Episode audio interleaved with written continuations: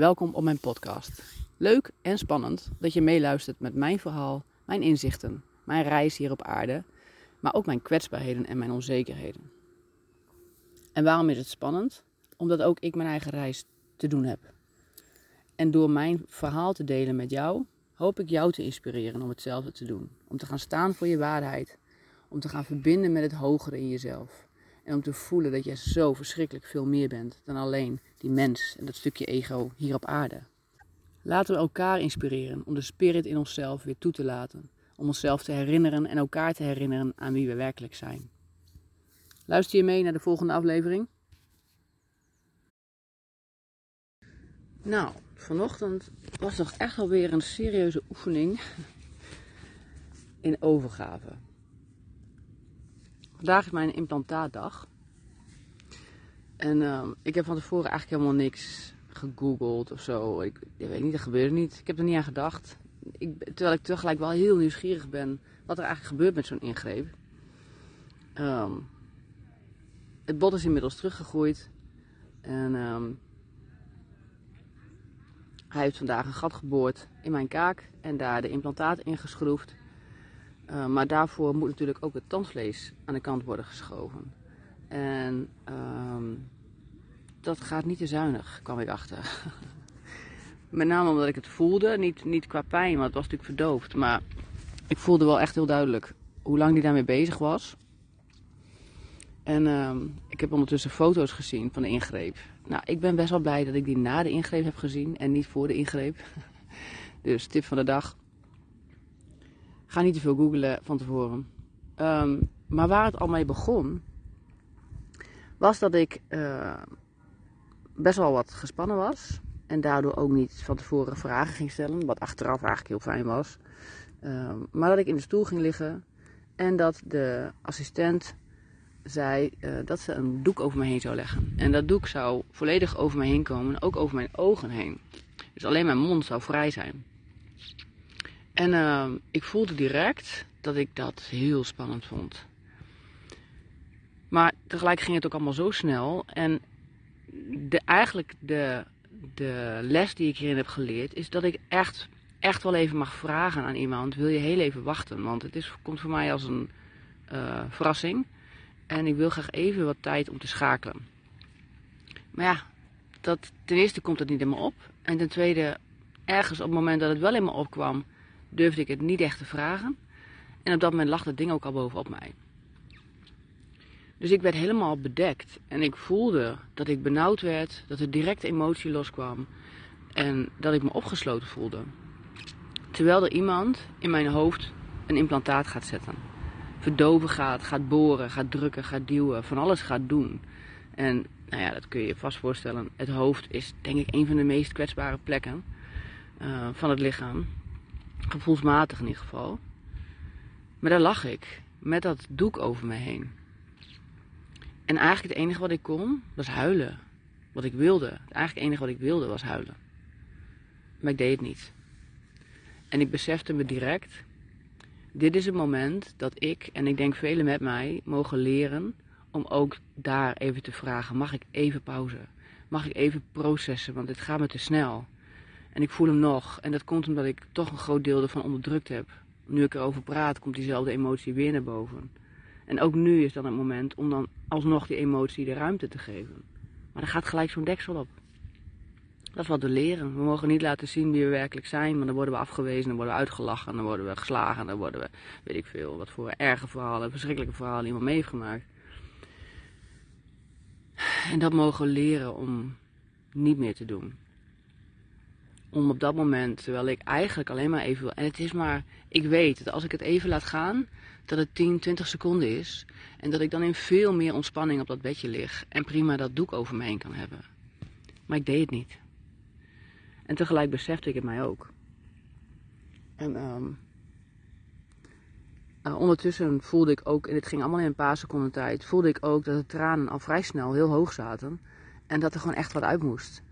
Um, dus ik besefte ook dat, omdat mijn ogen bedekt zijn, en je hoort direct dat mijn intonatie van mijn stem ook verandert, want dit gebeurt natuurlijk met het hoofd, met het ego.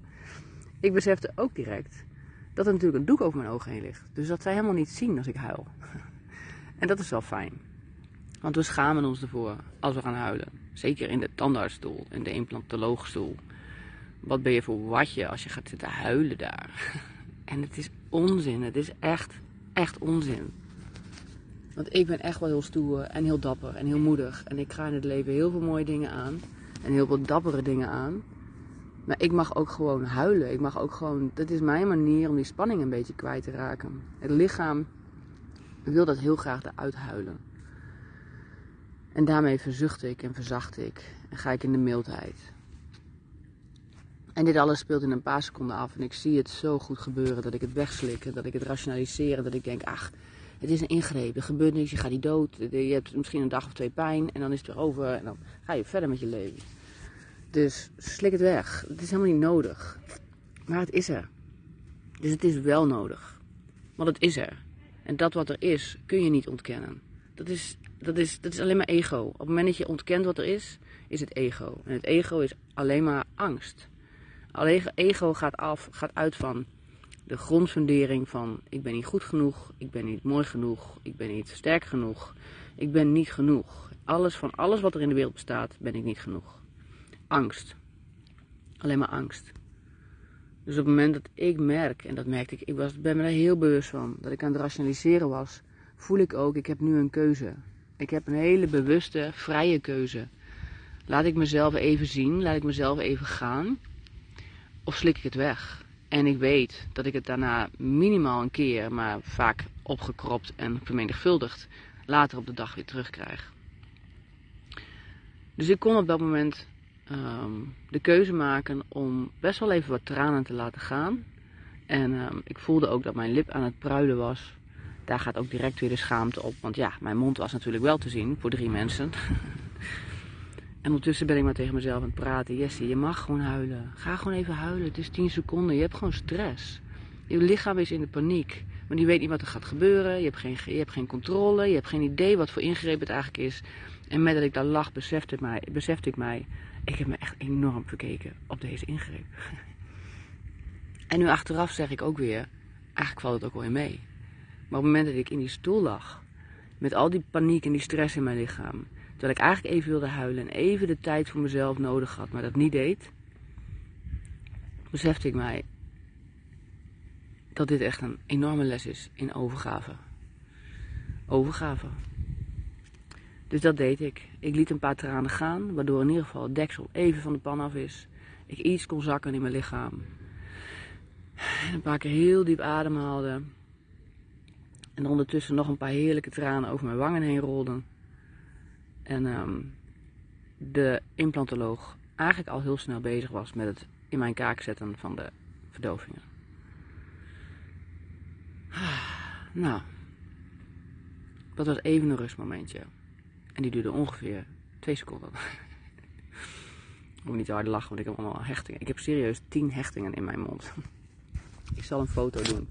In de Facebook, Facebook uh, post zal ik een foto erbij doen. Het is best wel heel interessant. Maar goed. Ik lag daar in de stoel. En de hele ingreep. En ik, ik vond het echt heftig. Ik vond het echt heel heftig. Ik was vet zenuwachtig. Ik wist niet wat er, wat er ging gebeuren. Ik vroeg wel, dat is wel trouwens wat ik heb gevraagd. Dat is, vond ik heel prettig. Dat ik aan de assistent vroeg, kun je het doek iets omhoog trekken? Want ze trok hem strak over mijn neus heen. Wil je hem alsjeblieft iets omhoog trekken, zodat ik in ieder geval via de beide zijkanten uh, naar buiten kan kijken. Dat was geen probleem, omdat ik er namelijk om vroeg. En dat is, dat is denk ik ook waar het over gaat. Durf te vragen. Echt, een brutale heeft de halve wereld. En met heel veel andere dingen durf ik dat heel goed. En ik krijg bijna altijd wat ik wil. En dat merk ik, op die gebieden merk ik dat heel goed. En ben ik me er ook heel bewust van en durf ik het ook.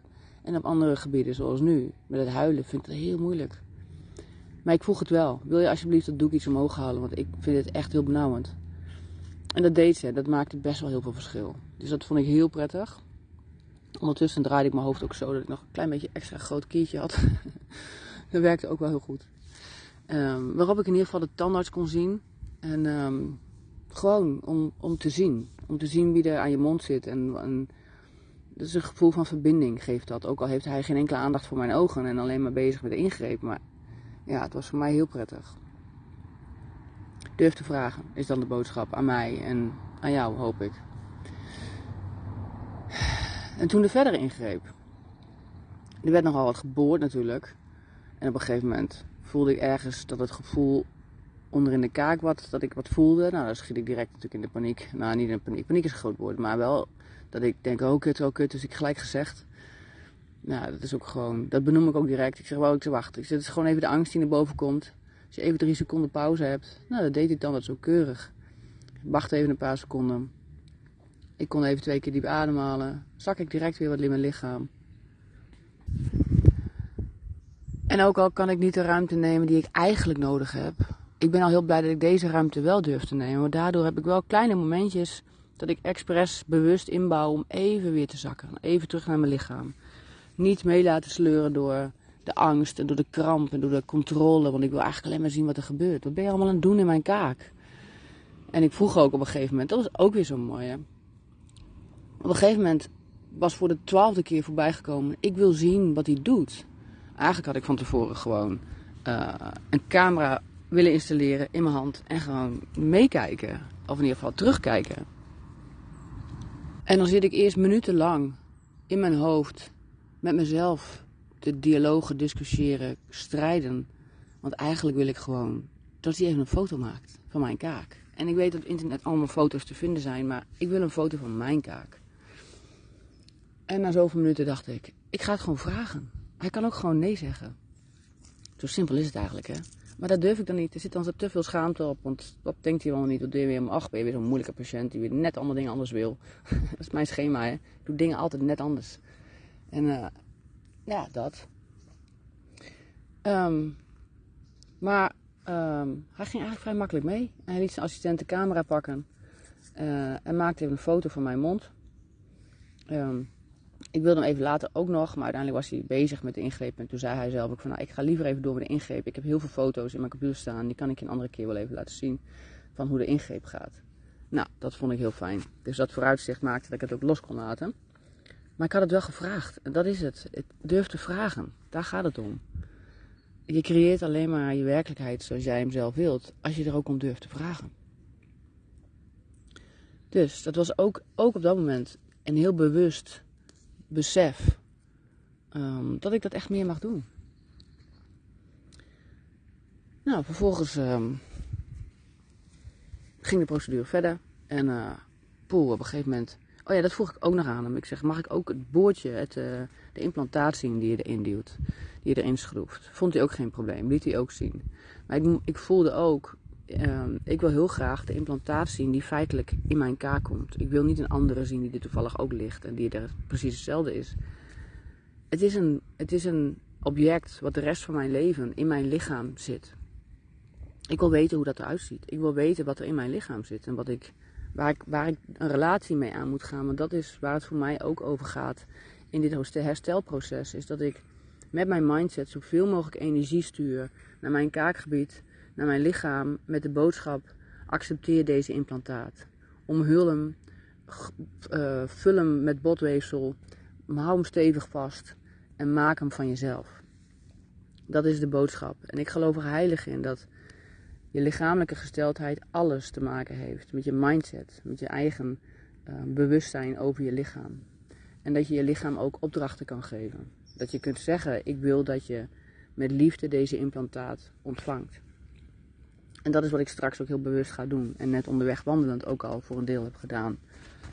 Ik, uh, er zit een paspoort bij, bij de implantaat met alle materiaal erin. Met nummers van het materiaal. Um, en die nummers ga ik, ga ik heel bewust bekijken. Omdat ik weet, bewust kan ik er niks mee doen. Maar ik weet dat die informatie opgeslagen wordt in mijn systeem, in mijn veld, in mijn energieveld. En daarmee ook in mijn lichaam. En ik zeg daarmee heel duidelijk tegen mijn lichaam: accepteer dit materiaal wat je gezien hebt, waarvan je weet welk nummer het heeft, um, welke identiteit het heeft, zeg maar, welke frequentie het heeft.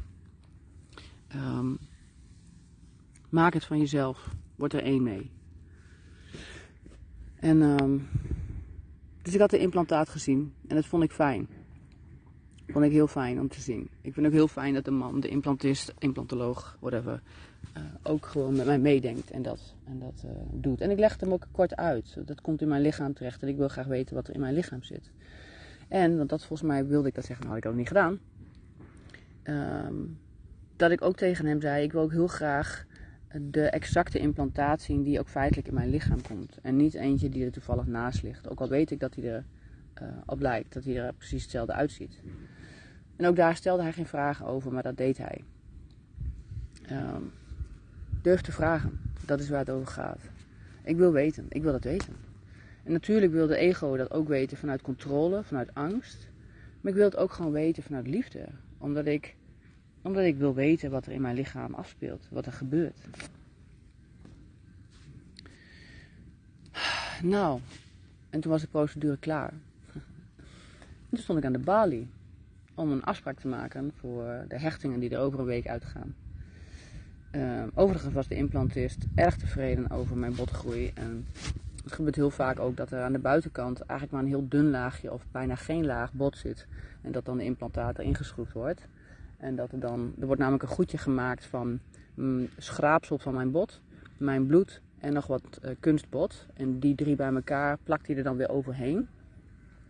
En dat zorgt ervoor dat het, uh, herstel, dat het er een laagje bot overheen komt te groeien. En dat de implantaat zo wordt uh, vastgezet door het lichaam. Um, en hij zei dat het bij mij echt heel goed uitzag. Dat er bij mij aan de bovenkant ook al een laagje bot zat. Dus de hele implantaat is al volledig omhuld. Wat in principe een betere potentie geeft voor een gezond, goed, snel herstel. Uh, hij was echt tevreden. Dus daar ben ik blij mee. Daar ben ik heel blij mee. Uh, maar het einde van de uh, behandeling kwam ik dus bij de balie om een afspraak te maken. En ik heb ook steeds meer geleerd om ook daar gewoon even uit te spreken hoe ik me voel. Want ik was echt, ik was echt onder de indruk. En, en nog, maar toen helemaal. En er zat emotie heel hoog, en spanning heel hoog. En ja, je zult je vast kunnen indenken dat als zo'n situatie dan voorbij is, dat dan ook de spanning eruit komt. dus ik stond daar aan de balie en ik zei tegen die vrouw, ik zeg zo, dat vond ik best wel heftig. En met dat ik dat zei, begon ik te huilen. Ah, en het was wel even lekker. Even, even, gewoon 10 seconden. Mensen hebben er ook alle begrip voor als je het even laat zien. Als je het even ruimte geeft. En ik zei ook, zeg, dit is vooral spanning wat er even uitkomt. Want ik heb er geen last van, qua pijn niet, maar ik vond het wel veel. Ik vond het intens. En toen ben ik daarna direct even naar de wc gegaan. Om en even een angstplasje te doen. maar ook daar nog even wat tranen eruit te laten. En vervolgens ben ik uh, naar buiten gegaan. En ben ik direct om de hoek in het gras even gaan zitten. Met mezelf. Net zoals ik dat nu ook doe. Ik ben halverwege de wandeling naar huis. Maar ik vond het heel fijn om um, de eerste emotie even in, met mezelf ruimte te geven. Onderweg nog even wat te huilen en wat spanning eruit te schudden. En vooral met aandacht naar mijn lichaam te gaan en alleen maar liefde en licht te sturen. Um, en vervolgens vers van de pers deze uh, ervaring te delen. En mijn inzichten daarin dus te delen. Dat het echt één grote reis is. Wederom in durf te vragen. Durf ruimte te nemen. Durf te zeggen wat je wilt. Anders weten mensen niet wat je wilt. En dit is echt, ik vond het een echt heftige ingreep. En het herstel, als zo de verdoving uit gaat werken, dan. Nou, ik voel al hoofdpijn. Die hoofdpijn wordt vast heel erg. dat weet ik zeker. Ik ben ook heel moe. Uh, ja, veel ruimte geven. Rust. Vandaag rust. Niks doen. Herstellen. Herstellen, herstellen. En veel licht en liefde naar mijn kaak toesturen. En uh, nog een rondje. Hoe maak ik een rondje? Um, dankjewel voor het luisteren vooral. En ik hoop dat je er zelf ook wat inspiratie aan uh, in voelt. Um, als dat zo is, dan vind ik het heel leuk om dat terug te horen. Want ook mijn uh, kritische ego vindt hier natuurlijk van alles van dat ik dit op Facebook zet en op uh, een podcast zet en bla bla. Dus het is ook fijn om bevestiging te krijgen dat er in ieder geval één iemand is die zegt: Ja, ik vond het fijn om het even te horen. En uh, nou ja, dat. Het heeft iets geraakt. Ik vond het in ieder geval heel fijn om het te delen en om in vrijheid te kunnen spreken. Want dat is wat ik wil. In vrijheid spreken over wie ik ben. En daarmee ook het voorbeeld geven aan anderen. Om ook zichzelf te zijn en jezelf uit te durven spreken. Ook als je denkt dat het niemand wat interesseert. Gewoon doen. Want je wilt jezelf je, je mag jezelf bevestigen. En dat is wat ik ook doe. Ik erken mezelf. Ik bevestig mezelf. En ehm, ik zie de angst van het ego. De angst voor falen, de angst voor afwijzing, de angst voor te breedsprakig zijn. En ehm, die wil ik zien. Die angst wil ik voelen. Die angst wil ik doorvoelen. Waardoor ik hem weer een beetje meer loslaat in mezelf. En dat is volgens mij waar het over gaat. Echt zien. Echt zien is zoveel meer dan alleen kijken. Maar als je het echt ziet, dan doorvoel je het ook. Dan doorleef je het ook. En als je het echt ziet, dan oordeel je niet. Waardoor je kijkt met liefde en compassie. En dat wat gezien wordt in liefde en compassie, dat wordt heel. Het voelt zichzelf heel. Oké, dankjewel voor het luisteren. Tot de volgende keer.